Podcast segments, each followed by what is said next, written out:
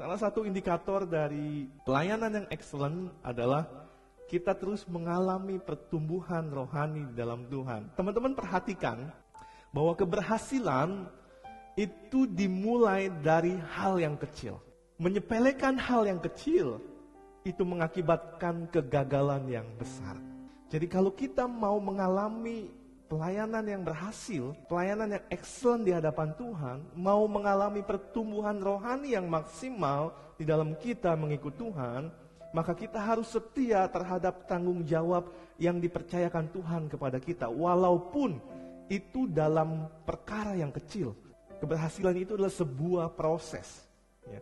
Dan untuk mencapai hasil yang excellent, maka kita harus siap untuk mengikuti proses demi proses yang Tuhan izinkan terjadi, yang Tuhan izinkan kita hadapi di dalam kehidupan kita.